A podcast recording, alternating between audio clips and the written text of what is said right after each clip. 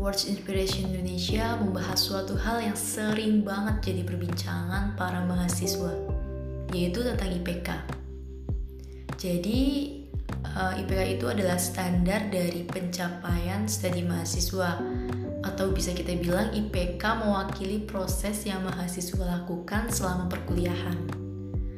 Nah, hal yang selalu menjadi perbincangan mengenai IPK itu apakah IPK itu penting?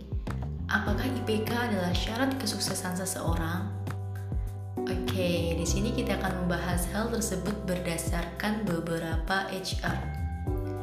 Jadi, idealnya para HR mencari orang yang berpengalaman di bidangnya.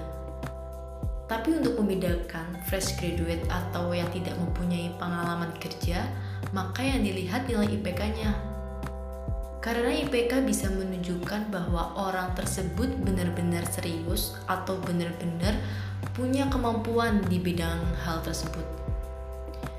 Di sisi lain, IPK dan soft skill harus seimbang karena bekerja harus mempunyai kemampuan problem solving yang baik dan beberapa bidang juga melihat penguasaan.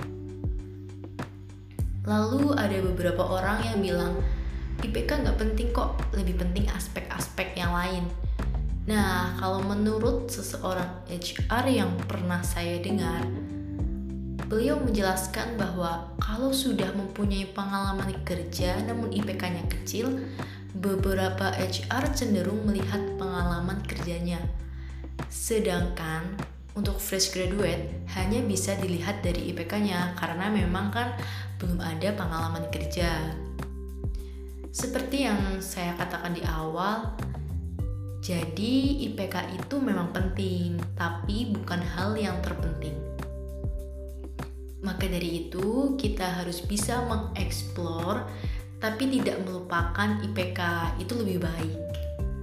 Lalu janganlah kita menjadi sombong.